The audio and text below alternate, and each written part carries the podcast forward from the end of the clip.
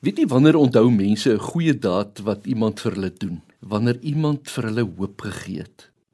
As jy vir iemand anders die lig in hulle lewens in hulle donker kamer waar hulle sit aanskakel, dan gee jy hoop. Mense sal baie dinge vergeet wat jy vir hulle doen, maar as jy vir hulle hoop bring, is dit anders. Daar is ook min dinge in ons lewens wat ons opgewek maak en lus vir die lewe maak as hoop. Om te hoop is om soos 'n kind uit te sien na sy verjaarsdag. Hy weet sy verjaarsdag is spesiaal. Hy is seker daarvan dat hy verjaar. Hy twyfel nie daaraan nie, maar hy's opgewonde daaroor en hy sien uit. Dit is soos hoop werk. Vriende, ons leef na die opstanding van die Here, die tyd van hoop.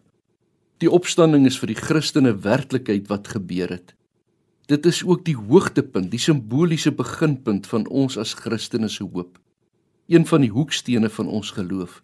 Sonder hoop sal ons nie kan glo nie. Geloof en hoop is onlosmaaklik aan mekaar vas. Geloof is wat ons glo van Jesus Christus in die verlede.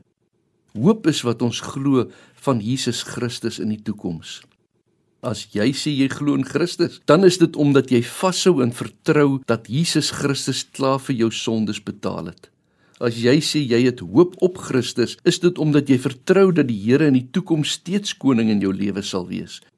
Hoop is 'n vertrouensuitspraak in die toekoms. Dit is om vir die Here te sê jy vertrou op hom vir jou lewe van môre. Jy vertrou op hom dat jy die ewige lewe sal beerwe. Ons weet dat ons die ewige lewe beerwe omdat Jesus dit beloof. Ons hoop daarop. Dit maak dat ons verby ons probleme kan kyk en kan uitsien saam met die tyd met die Here. Maar om te hoop is nie net iets waarna ons uitsien nie. Ons hoop verbeter ook ons lewe op die oomblik en verbeter ook die mense se lewens vir wie ons nou hierdie hoop uitdeel. Paulus sê in Efesiërs 1 vers 8: Ek bid dat hy julle geestesoë so verhelder dat julle kan weet watter hoop sy roeping inhou. Eers as jy betrokke raak in die koninkryk en ophou om jou te verknies oor dinge, gaan jy hoop kry. As jy ophou om oor jouself te dink, ophou om bekommerd te wees, as jy hierdie roeping uitleef, dan gaan jy self ook hoop kry.